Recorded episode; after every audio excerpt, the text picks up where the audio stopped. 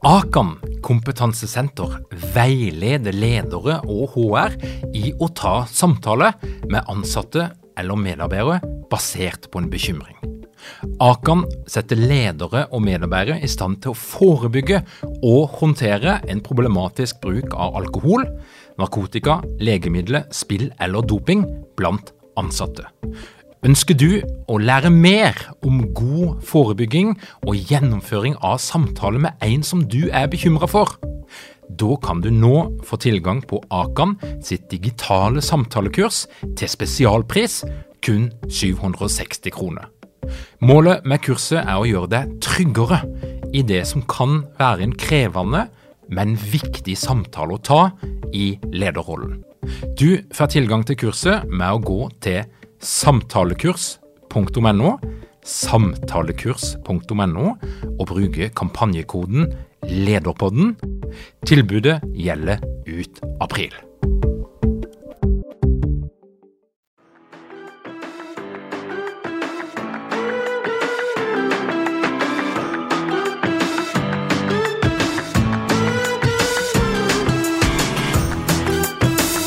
Velkommen til Lederpodden. Mitt navn er Tor Åge Eikerapen. Jeg jobber som organisasjonspsykolog, og dette her er en podkast om ledelse. Akkurat nå, etter to år på heimekontor, så er norske arbeidstagere tøste på å møte sine kollegaer og skape nye relasjoner. Gode relasjoner, det skapes som oftest gjennom gode samtaler. Men hva er egentlig en god samtale? Og hvordan kan du stille de knallgode spørsmålene som skaper innsikt og engasjement? Det har Bertha Lende Rød svaret på. Bertha er gründeren bak Fuelbox, et norsk selskap som lever av å legge til rette for gode samtaler både hjemme, i par og på jobben. Velkommen til Lederpodden, Bertha. Tusen takk. Det er så stas å være her. Bertha, du må fortelle. Hvordan starta dette her? Hvordan er det mulig å skape en bedrift, et levebrød, en forretningsvirksomhet ut av spørsmål og det å lage gode samtaler? Ikke sant? Og det er jo et godt spørsmål i seg sjøl. Eh, det starta jo med at jeg savna de samtalene som jeg og min mann pleide å ha før vi fikk alle disse ungene. Og den store store forelskelsen hadde på en måte lagt seg litt. Så, så kjente jeg veldig på et savn etter det som jeg opplevde var vår greie. I tillegg så hadde jeg vært gjennom et samlivsbrudd for mange år uh, tidligere og opplevd hva som skjer i en relasjon når vi slutter å spørre og være nysgjerrige, når vi slutter å dele med hverandre. Ja, da slutter man til slutt å bry seg, kanskje til og med. Så jeg, uh, kombinasjonen av savn etter samtalene og redselen for å miste oss gjorde at jeg begynte å skrive ned spørsmål. Og Dette samla jeg da i en konvolutt, og noen måneder etterpå så var det blitt uh, Fuelbox, den gode samtalen på boks for par. Så dette starta ikke som en businessidé overhodet. Det starta med mitt eget savn i mitt eget parforhold. Enormt. Og på et tidspunkt så kom du jo der at du sa opp jobben din. Du hadde en fast, ordentlig jobb der lønna kom den tolvte hver eneste måned. Når var det du skjønte at ei, dette her er faktisk et behov der ute. Mm. Du, eh, eh, først så var min intensjon bare liksom, å vekke opp par der ute og få par til å forstå hvor viktig det er å ta vare på hverandre, se hverandre, bry seg om hverandre mens man fortsatt har hverandre. Det var liksom min intensjon. Og jeg tenkte denne boksen kan jeg bare selge som ei bok, og så må folk bare snakke sammen. Men så har jeg jobba mange år i, i farmasøytisk industri. Eh, og De siste årene der så hadde jeg ansvar for utvikling av både mennesker og team og ledere på kommunikasjon og salg så tenkte jeg sånn Ok, det er jo ikke bare i parforholdet vi trenger å snakke sammen for å ha det bra sammen og for å få det til, altså for å lykkes sammen. Så da kom på en måte alle disse boksene egentlig på løpende bånd. Den første boksen som kom etter par og venner, det var Fuelbox leder. For jeg tenkte, er det noen som trenger å virkelig reflektere over sin egen, altså ha selvinnsikt og selvutsikt og ikke minst forstå hvordan de bedre kan bli bedre ledere, Da er det disse. da. Så da kom den boksen, og så måtte vi ha en teamboks som kunne bli et lederverktøy for å jobbe med medarbeidere og team. Så de har på en måte kommet litt sånn løpende bånd, og da skjønte jeg jo at dette er jo ikke en hobby. Nå må jeg bare i gang og spre budskapet, fortelle folk hva dette er for noe, ikke minst hvorfor man skal gjøre det, hvorfor skal man snakke sammen osv. Så, eh, når jeg lanserte i 2011, så da var jeg ferdig. Da var jeg all in på Fuelbox og skulle få mennesker over hele verden til å snakke sammen. Og, og, kan det være at vi, vi, vi, mennesker vi klarer ikke dette her så godt sjøl alltid? Eh, altså, for jeg er jo òg den typen som, som syns jeg setter stor pris på hvis en er på samlinger med forskjellige typer folk, at, at, det, at, det, er litt sånn tilrettelagt. At det er noen som har skrevet de spørsmålene. Men, men hvorfor er det sånn? Ja, vet du hva, jeg tror det, det er litt forskjellige ting. tror jeg. Av og til så er det Eh, det er ikke alltid så lett å vite hvilke spørsmål man skal stille for å starte den samtalen man ønsker å ha, eller trenger å ha. Eh, det er lett å snakke om covid og vær, og sånne ting, det gjør vi jo hele veien. Men det å starte en samtale som virkelig betyr noe, det kan være litt vanskelig. Både fordi at hvis du stiller et åpent spørsmål, så blir det litt sånn Wow, hvor, hvor kom det fra? Eh, hvorfor spør du om det? Det var litt spesielt å stille. ikke sant? Men hvis du trekker det ut fra en boks, så er det litt mer sånn Ok, da var det det vi skulle snakke om. Er det, liksom, det er ikke noen agenda, det er ikke noen skjult agenda bak spørsmålet. Og det tror jeg kanskje det var en av de tingene som jeg kjente på i mitt parforhold. da. Jeg hadde veldig behov for å, å snakke om eh, f.eks. min mann, nye manns forhold til mine to gutter. Det syns jeg var veldig vanskelig, og det var mye dårlig samvittighet. og du vet, hele den pakka der. Det var vanskelig å starte en god samtale som ikke ble klandrende. da. Så det er mye av grunnen til at parboksen finnes. For jeg trengte noen gode spørsmål til å sette i gang de samtalene. Men de har vi jo i team, og vi har det i vennerelasjoner, vi har det i ledergrupper. Vi har de samtalene overalt. Så det å få litt hjelp til å komme i gang med samtaler vi trenger å ha, men som er litt vanskelige, da, det tror jeg kan være klokt. Eh, og som ikke har noen skjult agenda. Eh, så kanskje det er litt av, av grunnen. Og så, er det det å tørre å stille et spørsmål. Det er, litt, det er litt vanskelig, for man vet jo ikke helt hvordan det blir mottatt. ikke sant? Man vet ikke helt hva reaksjoner man får. Eh, så, så det å få lov til å øve litt på det i, en, i, en, eh, i et parforhold, eller i en team eller i en gruppe, det er, det er jo òg det vårt verktøy er egnet som. da. Vi får rett og slett begynt å øve opp kulturen på å ha denne type samtaler, som kanskje tar oss litt mer i dybden, og som er kanskje litt mer krevende enn covid og været og hva gjorde du i helga og tapte Liverpool. Hvis vi skal snakke om de gode spørsmålene, så må vi òg snakke litt om de dårlige. For åssen hva slags kommunikative feller er det vi ofte gjenger i, vi mennesker, der det blir litt flatt, litt dumt, kanskje? Der vi, der vi gir slipp på noen muligheter til gode samtaler som vi bare sender vekk fordi vi stiller feil spørsmål, eller om vi kommuniserer på en måte som, som ikke skaper den magien som vi søker. Hva er det vi, er det vi bommer på? Ja, jeg vet Nå er jo ikke jeg kanskje den største eksperten sånn sett. Jeg kan snakke ut fra egen erfaring. Jeg tror ofte vi bommer litt på forutinntatthet. At vi tror Altså, vi stiller lukka spørsmål og legger litt føringer i spørsmål som vi får ikke helt tak i egentlig hva den andre egentlig sitter inne med. De svarer sånn som de tror du forventer, fordi du har lagt føringer i et spørsmål. Så det at vi kanskje ikke stiller åpne spørsmål, tror jeg er en viktig ting. En annen ting som jeg tror er kjempeviktig, det er jo at eh, hva er nå det viktigste spørsmålet? Og Det er jo gjerne det spørsmålet der vi utforsker enda mer det svaret vi fikk på det første spørsmålet. Jeg pleier å si Det viktigste spørsmålet er alltid det neste spørsmålet. Oppfølgingsspørsmålet. Og det at vi av og til hopper litt bukk over det, det kan ta mye gull ut av en samtale. Og Et eksempel er for hvis jeg, eh, hvis jeg Åge, spør deg eh, hvor ville du at din aske skulle bli spredd hvis du en gang skulle bli kremert? Og så sier du til meg jo, Bertha, det skal jeg fortelle deg, det er på Anfield Road, siden vi allerede var inne på Liverpool. Og jeg bare Du, kult! For meg er det sånn at jeg ville hatt den spredd i Njåskogen rett her bak huset vårt. Å, spennende, sier du. Og så går vi videre. Ikke sant? Da har vi gått glipp av mye spennende. Hvorfor Anfield Road? Hva er greia der? Hva skjedde der? Hva, liksom, sånn? Da må man begynne å grave. Så det å hoppe over oppfølgingsspørsmål og tørre å være litt nysgjerrig og utforske svarene vi får, det tror jeg er noe av det smarteste vi kan gjøre hvis vi skal få gode samtaler. Du, og, det der lurer jeg litt på, for når jeg driver og trener ledere på kommunikasjon og sånn, og, og, og, det jeg ser veldig ofte, det er jo at mange er litt redde for å virke ikke for nysgjerrig, for at nysgjerrighet er liksom noe vi har lært oss til at det er negativt. Jeg tror kanskje vi får høre det når vi er små, i Norge i hvert fall, at eh, nå må du ikke være så nysgjerrig. Mm. Hva tenker du om det?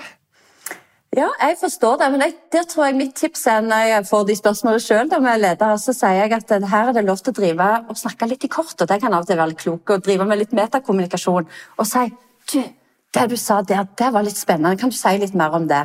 Eller oi, det var interessant, alle har jo lyst til å høre at vi er interessante, kan du fortelle litt mer om det? Eller hva skjedde etterpå? Du, det du sier der, det har jeg bare lyst til å ta tak i utforske videre, eller prøve å forstå litt mer av, og så spør man videre.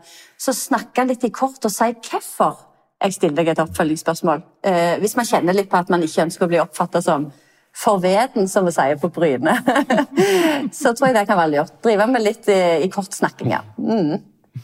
Men det er vel ofte sånn at vi, vi, har en antagelse om at andre ikke liker at vi er nysgjerrige, men det er jo ofte en feil antagelse, for kan du tenke deg noen deiligere enn at noen er nysgjerrig på det? Jeg tror det er noe av det viktigste vi kan være på hverandre. Og Det sier jo, eh, altså det synes jeg vi får altså så mye forskning nå som sier at nysgjerrighet det er kanskje en av de viktigste superkraften vi mennesker kan ha. Både i våre nære relasjoner, men ikke minst som ledere. Det er å være nysgjerrig, både for å forstå, men også for å lære hverandre, for å vise oppmerksomhet, bygge relasjoner. Det var vel Frode Tuen, som jo er en parterapeut, som sa det at det viktigste vi kan gjøre for å ta vare på kjærligheten i et parforhold, det er å dyrke den gjensidige nysgjerrigheten. Og Det tror jeg er helt rett, og så tror jeg at det ikke bare gjelder i parforholdet. Jeg tror det gjelder i alle relasjoner. For egentlig så liker vi det at folk vies nysgjerrighet. For det de sier da, er at wow, det du sier, betyr noe for meg. Du betyr noe for meg. Eller det du sier, er interessant. Du er interessant. Og det er jo det relasjonsbygging handler om. Så jeg tror nysgjerrighet er noe vi i større grad må begynne både å bruke og trene oss på å bruke. For det, det er en treningssak. å, å, å, å mestre det. Mm. Og så, jeg lurer på noe rundt dette her med kommunikasjon. for at, eh, jeg tenker jo at eh, de gode samtalene er jo på en måte litt under angrep. For at når veldig mye av kommunikasjonen vår foregjenger på Snapchat, Instagram, Slack i mange virksomheter, så er jo det noen forbaska begrensa kanaler for kommunikasjon. Altså det er, det, på, på, den ene sida kan vi godt si at det er mye moro med det, og det, det, er kanskje lettere å holde kontakt med en del folk på et litt sånn overfladisk plan, men samtidig så truer det jo oppmerksomheten og de arenaene vi har for de gode samtalene. For når alle sitter med nesa si nede i skjermen og skal se på Snapchat fra hele verden, så, ja, så er det jo ikke tid, da. Til de her gode samtalene. Og det jeg lurer på, er jo gjør dette her at de gode samtalene blir enda viktigere og enda mer verdifulle, og nesten noe sånn sjeldent som, som kan gi noen eh, enda sterkere opplevelse? Eller, eller er det noe vi må passe litt på at vi klarer, iallfall på arbeidsplassene, å beholde arenaer for ordentlig gode samtaler, ikke bare kjappe slack-meldinger. Mm. Jeg synes du er inne på noe som er kjempespennende. og det er jo litt sånn, For å ta det først, så tror jeg det, vi må se på at det er forskjell på kommunikasjon og dialog. Så jeg tror at kommunikasjon det kan være masse kul og spennende og kulturbyggende kommunikasjon på ulike digitale flater som, som skaper god stemning, og som er deling av informasjon og, og, så videre, som er kjempeviktig. Men dialog er noe annet. Og det jeg opplever, i hvert fall fra, fra næringslivet, er jo at de, jeg tror mange mer nå har blitt bevisst på at man må ta et ansvar for å skape aktivt ansvar skape rom for den gode samtalen eller for dialog i et team, i en ledergruppe, i en organisasjon, i større grad enn man gjorde før. For nettopp fordi man har så mange andre flater der man ser man kommuniserer både av digitale møter, men man har liksom ikke der lagt til rette for den gode dialogen, den gode samtalen. Og, og jeg tror eh, Derfor tror jeg flere nå ser at det må de gjøre, eh, ta aktivt ansvar. I tillegg at vi har sittet mye hjemme, så kan man ikke lenger si ja, men alle hos oss snakker sammen i lunsjen, og de snakker sammen med kaffemaskiner på vei inn til møte og ut av møte. Det gjør vi ikke nå lenger. Så nå opplever jeg i hvert fall at eh, mange av de som tar kontakt med oss, de har nå på en måte sett at ok, her må vi nødt til å, å liksom legge det inn i strategien. Vi må nødt til å skape arenaen, identifisere mulighetene for den relasjonsbyggende dialogen eller din egentlig også gjerne læringsdialogen, der man skaper arenaer så folk kan lære av hverandre og få feedback og erfaringsdeling osv. Så, videre. Så, så, kanskje vi har kommet der, da, at, at, man mer ser det behovet. Og det er jo veldig bra, for det tror jeg man må gjøre. Man må aldri bare ta den for gitt, for den skjer ikke av seg sjøl. Men når man har skapt arenaen, da, så er jo det som tar tilbake til det som du stilte spørsmål om innledningsvis. For der man setter eh, et folk sammen i et rom, så er det ikke sikkert det skjer noen gode samtaler av den grunn. Det må fasiliteres for. Enten at du kommer inn som en organisasjonspsykolog og kan sette det i gang, eller at man bruker ulike verktøy som gjør at man begynner å snakke om det vi trenger å snakke om for å skape det man ønsker å skape. Eh, så, det må tas ansvar for. Og jeg mener at en av de viktigste leder, eh, lederansvaret som finnes, det er å skape rom for samtaler som ikke bare finner sted av seg sjøl. Som ikke naturlig bare finner sted. Det mener jeg er superviktig. Mm. Amen, sier jeg da. du, nysgjerrighet det er en faktor i de gode samtalene. Og mer er det som kjennetegner gode samtaler vi kjenner at det gjør noe med oss, vi kjenner at vi kanskje får en ny innsikt, vi tenker noen nye tanker, vi knytter en ny relasjon. Mm.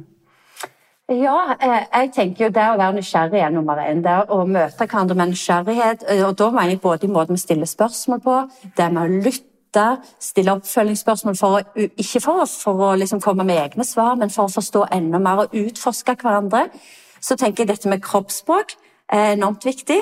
og kan, Derfor kan vi ha gode samtaler digitalt. Det er ingenting i veien for det. Vi har mye av det. Men, eh, men at man kan se hverandre. Jeg liker hvert fall å ha mye bedre eh, erfaring med gode samtaler der man ser hverandre digitalt eller fysisk enn på telefonen. For det er veldig mye kommunikasjon som skjer eh, eh, med kroppsspråket. Eh, og så eh, datt det ut av hodet mitt. Jeg hadde en klok tanke til på dette. Jo, en ting som er veldig spennende, er jo når man åpner opp for ulike perspektiver det å, å liksom være litt sånn nysgjerrig på noe som ikke er i ditt eget ekkokammer, men som kanskje kommer litt utenfor. Og det der å ta lære fra forskjellige perspektiver, og prøve til og med liksom jage det litt. Prøve å finne ut hva fins der av ting her som, som utfordrer gjerne litt mitt ståsted og mitt perspektiv. Det syns jeg er, er, veldig spennende eh, når det gjelder gode samtaler. Eh. Fører du ikke noen sånn statistikk på hvilke spørsmål som er mest populære, eller hvilke folk liker best, eller er det noe sånt tema? Er det noe, kan du fortelle noe? For jeg vet ikke om jeg er flinke til å måle og logge, og det fins tall på det meste. Hva, mm. hva, hva, er det folk liker for noe? Mm. Du, eh, vi har jo nå når vi har fått Fuelbox-app, som, som, eh, som, er ute Det er vel 4000-5000 abonnenter på den nå. Så ser, kan vi jo måle det. Med hadde boksen, så var det ikke så lett. ikke sant? Men på appen så kan du jo se ikke hvem som har brukt det, men du kan se hvor mange som bruker de ulike eh, samtalepakkene eller spørsmålspakkene og spørsmåla. Og det eneste Jeg vet jeg er ikke så veldig flink til å sitte av sånn analyse, jeg skal innrømme, men det som jeg har fått tilbakemelding fra teamet mitt på, er samtalepakken før en viktig avgjørelse.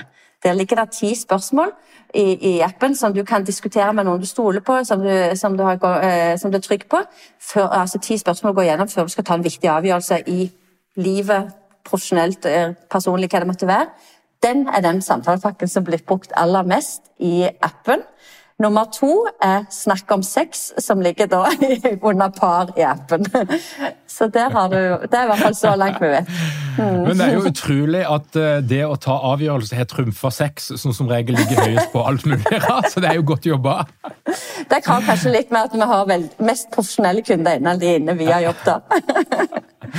Og så, så, jo, så, kan man jo av og til tenke at eh, det å lære seg spørsmål og, og det å bruke åpne spørsmål, det er jo en, en avlæring ofte av noen vaner. Mm. Og så er det jo noen som sier at det, ja, jo, jeg er jo enig i at det er gode spørsmål, men det virker litt unaturlig, litt overfladisk, det er liksom ikke helt meg. Mm. Og pleier du å si til deg?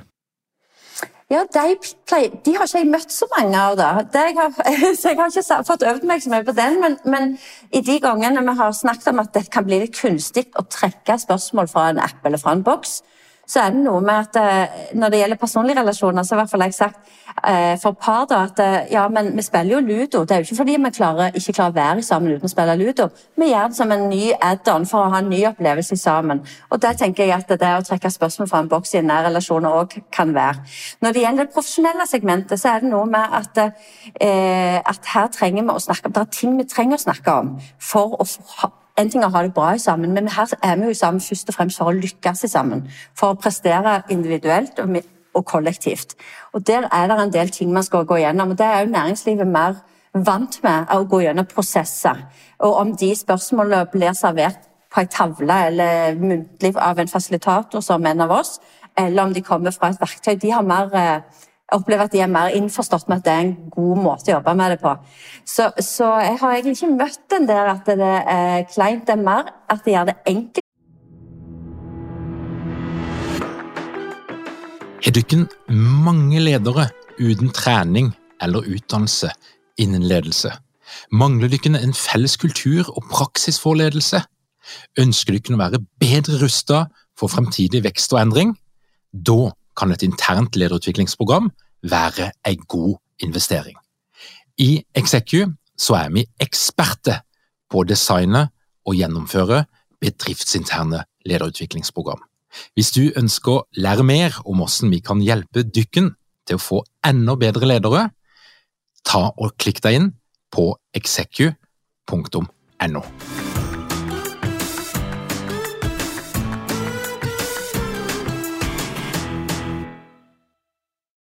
Fordi at eh, man ikke sitter og bekymrer seg for hva er agendaen her. Hvorfor spør du meg om det spørsmålet der? Jo, det kommer fra appen vår eller boksen vår. Eh, og at det er mer sånn at det skaper en setting.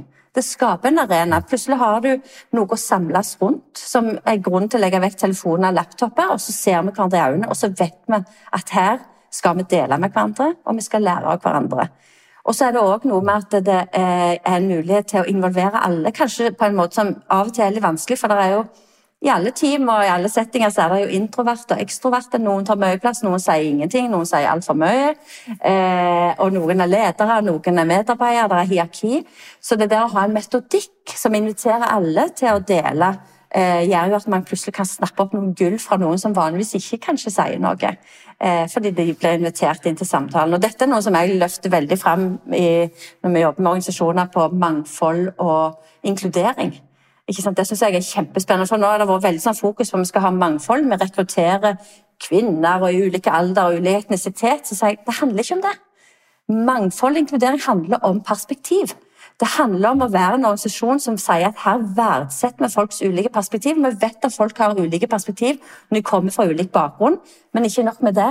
Vi inviterer dem til bordet og lar dem få dele, og vi lytter til deres perspektiv. Aktivt. Først da jobber vi aktivt i hvert fall med mangfold og inkludering, og vi får verdi ut av det mangfoldet vi kanskje har rekruttert inn. da.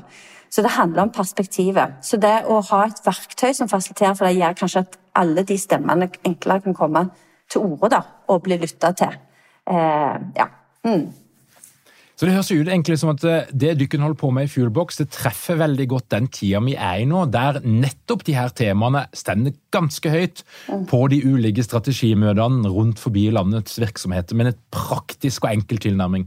Mm. Det, eh, jeg tror det. Mm. Ønsker du å lære mer? Ledernettverket er et digitalt nettverk for ledere som ønsker oppdatert forskningsbasert kunnskap, inspirasjon og regelmessig faglig påfyll, for å være best mulig rusta til å lede i dag og i framtida. Som medlem får du hver måned møte en ny ekspert innen psykologi og ledelse i våre interaktive workshops. Du får mulighet til å lære av andres erfaringer og dele dine egne. I vår digitale nettverksplattform får du eksklusiv tilgang på Lederpodden live, aktuelle videokurs, webinarer og faglige diskusjoner. Les mer og meld deg inn på ledernettverket.no.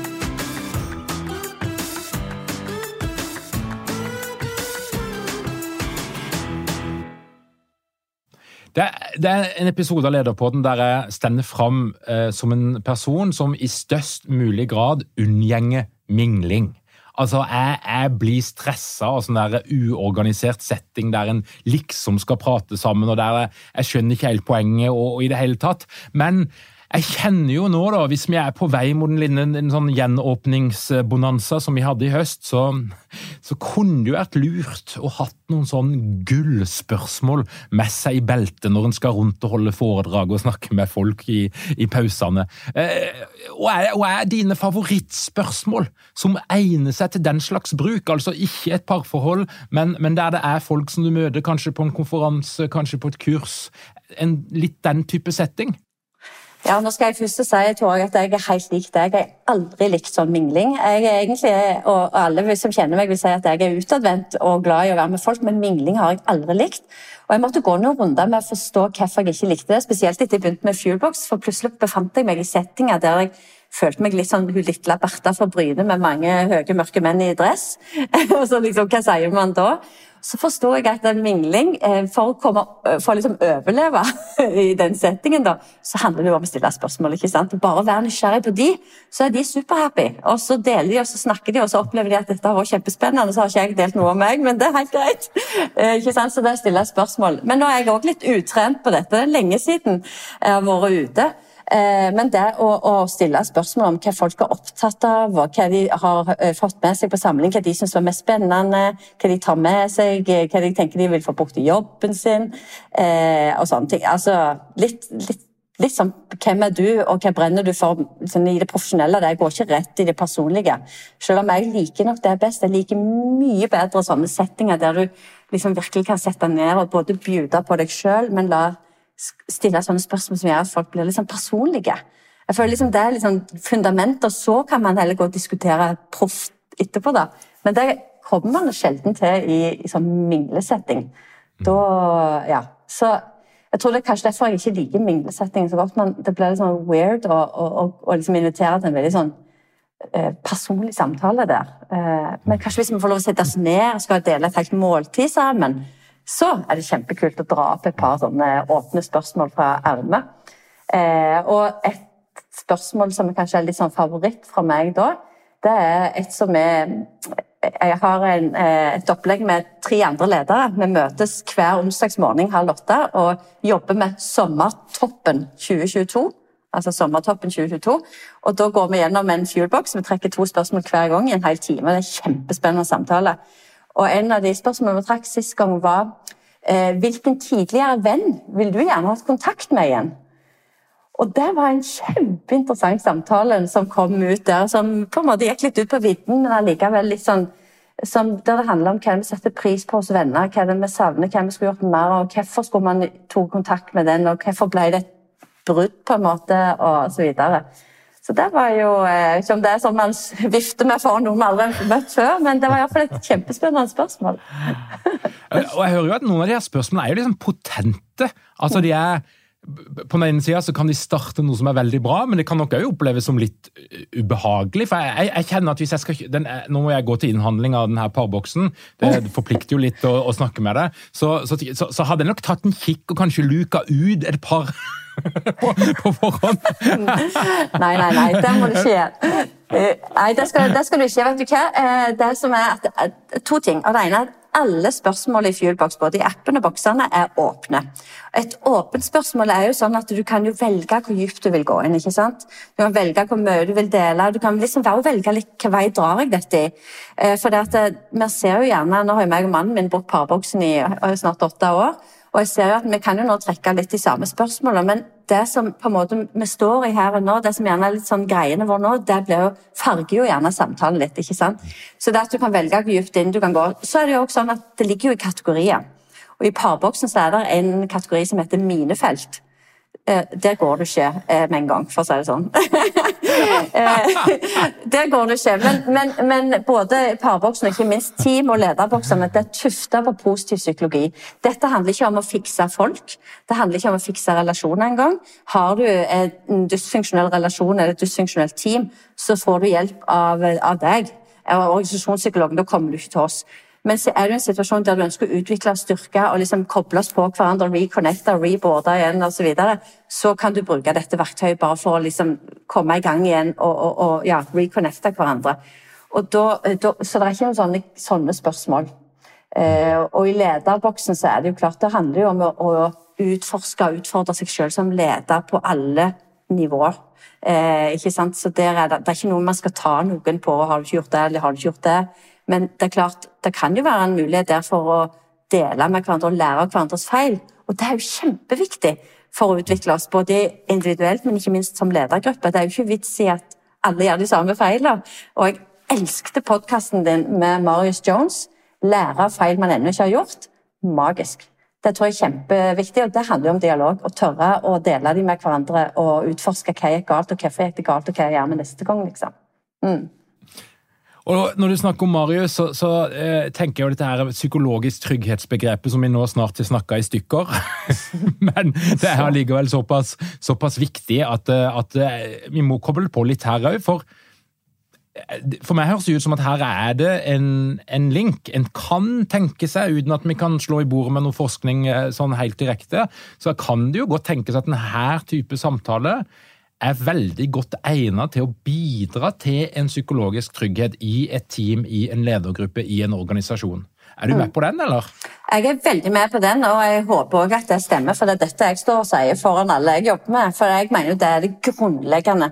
Uansett, når du, Vi har kunder som kommer til oss og vil ha high performance culture, eller de skal ha en innovasjonskultur. Og da tenker jeg uansett hvilken kultur man skal ha, så starter man på det å bygge opp tillitsfulle relasjoner og psykologisk trygghet. Og så tenker jeg at vi vet jo at tillit handler jo mye om å tørre å gjøre det som er viktig for deg sårbart for andre sine reaksjoner og handlinger. Og det å se hverandre i øynene og snakke sammen og dele med hverandre både personlige ting, men òg liksom hva, man, hvilke muligheter man ser, hvilke nye ideer man måtte ha. Det handler jo om å gjøre noe som er sårbart for deg. Eh, eh, det er noe som er viktig for deg, sårbar for andre sine handlinger. Og det man egentlig har gjort da, er jo at man, ja, man har hatt en god samtale, men man har også øvd på tillitsbygging. Så jeg mener at skal man bygge opp psykologisk trygghet i et team, så må man starte med dialog. For hvis meg og deg har dialog, så bygger vi opp vår tillit i vår relasjon. Men det er jo en gjeng, resten av gjengen, da. Hvem er de? Vi bygger opp tillit. Det er ikke psykologisk trygghet i teamet vårt da. Så nå må vi invitere hele gjengen til å snakke med hverandre og, og bygge den tilliten som, som, som vi skal ha, for å kunne si at nå begynner vi å nærme psykologisk trygghet i vårt team. Nå kjenner vi hverandre godt. Vi har liksom snakket om vanskelige ting, gilde ting. Vi vet hvor skoen trykker for den enkelte den andre. Og da kan vi begynne å si ok, nå har vi såpass psykologisk trygghet i vårt team at vi liksom tør å ta den videre. Men så er det ikke gjort med det heller. Sant? Den psykologiske tryggheten kan jo forsvinne, eh, og det kan komme nye mennesker inn i teamet. og Det er klart, det er jo en ting som jeg tenker på i mitt eget team. Vi jobber jo masse med dette internt, med walk to talk. Hos oss er det, vil jeg si, og det er alle enige i, at vi har veldig sterk psykologisk trygghet i vårt team. Kommer det inn en ny ansatt når vi er ute og søker etter et menneske nå, så er det jo enormt viktig å onboarde dette mennesket. For det er kommet inn i en gjeng som er sånn, ikke sant? Og, å, være utenfra. Så det er jo en ongoing prosess, som alt annet med kulturbygging. Det, du, det er ikke noe du gjør, og så har du det. Det er, det er to do. Kulturbygging burde egentlig vært et verb sånn, bare brukt som et dag. Man har ikke kultur, man gjør kultur hver eneste dag. Mm. Og det gjør man òg med psykologisk trygghet. Så jeg tenker det skal være i bånn. Og forskning viser jo, dette kjenner sikkert du òg til, at det å se hverandre i øynene og ha samtaler, det, er, det trumfer alt annet når det gjelder å utvikle styrke relasjoner mellom mennesker. Så, så, det er virkelig det vi prøver å hjelpe næringslivet til å gjøre, da. Og så har du ikke den her kule tittelen 'relasjonsarkitekt'. Det er kult. Takk. det syns vi òg. er, er, det er det noen andre som bruker det, eller er det noe helt unikt?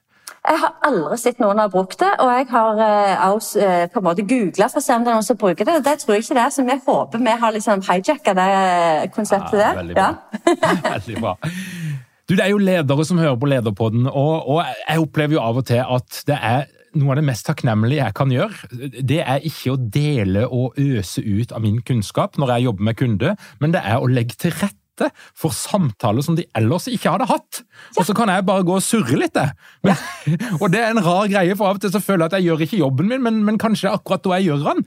Men, men hva tenker du? Hva er ditt beste råd, eller dine beste råd til ledere som nå får en hel haug ansatte tilbake igjen fysisk på kontoret, og så tenker den lederen at nå ønsker jeg å starte en kultur, jeg, å legge, jeg vil legge til rette for gode samtaler, god kommunikasjon, for det er med på å bygge kultur. Hva bør den lederen gjøre, bortsett fra å selvfølgelig bestille så mye bokser som bare mulig, men, men hvilke andre typer grep? Hva er det ledere bør være bevisst? Mm. Mm. Det er All honnør til de lederne som gjør det. Jeg tror det å ta onboardingen på alvor er superviktig. Folk kommer med veldig forskjell, mye forskjellig i ryggsekkene nå. ikke sant? Og har erfart denne pandemien på veldig ulik måte. Noen har syntes det har vært en blessing. ikke sant? Fått lov å være hjemme på hytta og, hatt, eh, liksom, og hatt litt, eh, litt fred til å jobbe med det de ønsker. Og for andre så har det vært katastrofe. Det var helt forferdelig. Både ja, følelsesmessig og måten å jobbe på og alt dette her. Så folk kommer med veldig mye forskjellig. Og det å først ta inn folk og si at dette skal vi snakke om. Hvordan har vi opplevd pandemien? Hva har vi lært? Hva tar vi med oss videre som har fungert bra, som kan funke inn i den nye arbeidshverdagen? Altså, ta, Inviter med teamet ditt, medarbeiderne, i de samtalene. er Superviktig. Og så tror jeg, og det er jo en av de tingene som vi relasjonsarkitekter er opptatt av, er jo liksom å tenke på arkitekturen for å bygge relasjoner. Altså relasjonsarkitekturen i vårt selskap. Hvilke arenaer har vi for å nå ta vare på hverandre framover? Vi skal mest sannsynligvis jobbe fleksibelt. Litt hjemme, litt på kontoret en stund til. Hvilke møteplasser skal vi ha som handler om å liksom connecte og kjenne på samholdet og, og sperre med hverandre og dele med hverandre og lære hverandre liksom litt den der løse, gode samtalen? Og hva andre arenaer skal vi gjøre helt andre ting på? Kun ha ren kommunikasjon, informasjonsføring. Altså, ta, det, ta, den gode samtalen på alvor, som Marius Jones sa, men òg altså, liksom, involver dem i å lage den nye, nye strukturen for kulturoppbyggingen. Da. Det tror jeg er kjempeviktig. Og så er det jo mange ting man kan gjøre da, eh, som er rene aktiviteter. Eh, og da tror jeg En felle som ikke lederen må gå i, det er å tenke at nå er det ikke bare jeg som skal begynne å snakke med mine medarbeidere igjen. De skal òg snakke med hverandre. Sant? Igjen tilbake til psykologisk trygghet. Det er hele gruppa som nå skal finne tilbake til hverandre. Eh, og ikke bare for å ha det gøy sammen og kjenne at jeg er en del av et team. Dette handler jo om prestasjoner. For at vi skal lære hverandre, vi skal dra veksel på hverandre, vi skal bruke hverandre og spille hverandre gode. Så det er jo noe å ta det på alvor. Og hvordan kan man gjøre det? Og Hvis jeg skal gi ett konkret tips, hvis du vil ha det, så kan jeg si hva vi har gjort i vårt team, og som vi også har gjort med flere kunder. Eh, vi har ikke erstatta medarbeidersamtalen, men vi har utvidet den og lagd noe som er kalt for Fuel Buddy. Og Det betyr at eh, jeg har satt opp alle ansatte skal møte, ha en Fuel Buddy, en kollega i teamet vårt, i det neste halvåret. Og De to skal møtes en til to timer en gang i måneden. Og Der skal de da, i vårt tilfelle da, trekke spørsmål. Man kan også bare lage sine egne spørsmål som man ønsker de medarbeiderne skal gå gjennom den første timen. og Da har alle lagt opp til walk and talk. Går en tur og snakker sammen. Det, er så kjekt. Jeg har òg min egen fuel buddy. Eh, og så skal man diskutere, få lov til å bringe med seg typiske jobbcaser inn i dette paret. Så man kan få lov å sperre med en kollega som kanskje kan si du, da ville jeg gjort sånn, eller det syns jeg du skal snakke med lederen din om, eller kanskje vi skal utforske det litt mer i forhold til hva du kan gjøre videre og sånn. Men da har du en person internt som, som er din sånn go to-person dette halvåret. Og så rullerer vi neste halvår. Og Dette er et forsøk på, fra min side på at nå skal vi bygge sterke relasjoner på kryss og tvers i vårt team. For vi har jo samtaler i gruppe hver tirsdag hos oss. da. Så det der å leke litt med å finne arenaer der folk kan få lov å snakke sammen, øh, øh, selv om man ikke sitter sammen, kan også være en fin måte å holde, passe på at man har liksom den kontakten og jobbe med tilhørigheten og den psykologiske tryggheten som man hele veien vender tilbake til. Mm. Bertha, dykken er på vei ut i verden, og din ambisjon er å fjule verden. Og jeg må jo bare ønske deg og gjengen din masse lykke til! Made in Bryne. ja, tenke seg til. Ja, vi er, vi er veldig ambisiøse. Vi har jo eh, virkelig lyst til at folk over hele verden skal snakke sammen. Jeg tror det, det er jo et grunnleggende behov vi alle har. Både hjemme og på jobb, og det er på tvers av grenser. Så dette tror vi på. Så det er jo spennende tider. Tusen takk for at du ble med i Lederpodden. Jeg følger med på dykken, og jeg gleder meg til å dykke ned i de her boksene. Tusen takk. Sjøl takk. Veldig hyggelig. Tusen takk. Til deg som hører på, hvis du ønsker å få med deg alt vi finner på i vårt lederunivers, da kommer du deg inn på lederpodden.no. Trykk på den rette knappen og skriv inn e-posten din, så får du vårt ukentlige nyhetsbrev rett inn i din innboks hver eneste fredag. Og ønsker du å lære mer og ta et steg til, ja, så vet du at vi har noe som heter Ledernettverket. En digital læringsarena for ledere som er nysgjerrige og vil lære mer og møte andre. Takk igjen for at du hører på Lederpodden. Vi høres igjen om ei uke.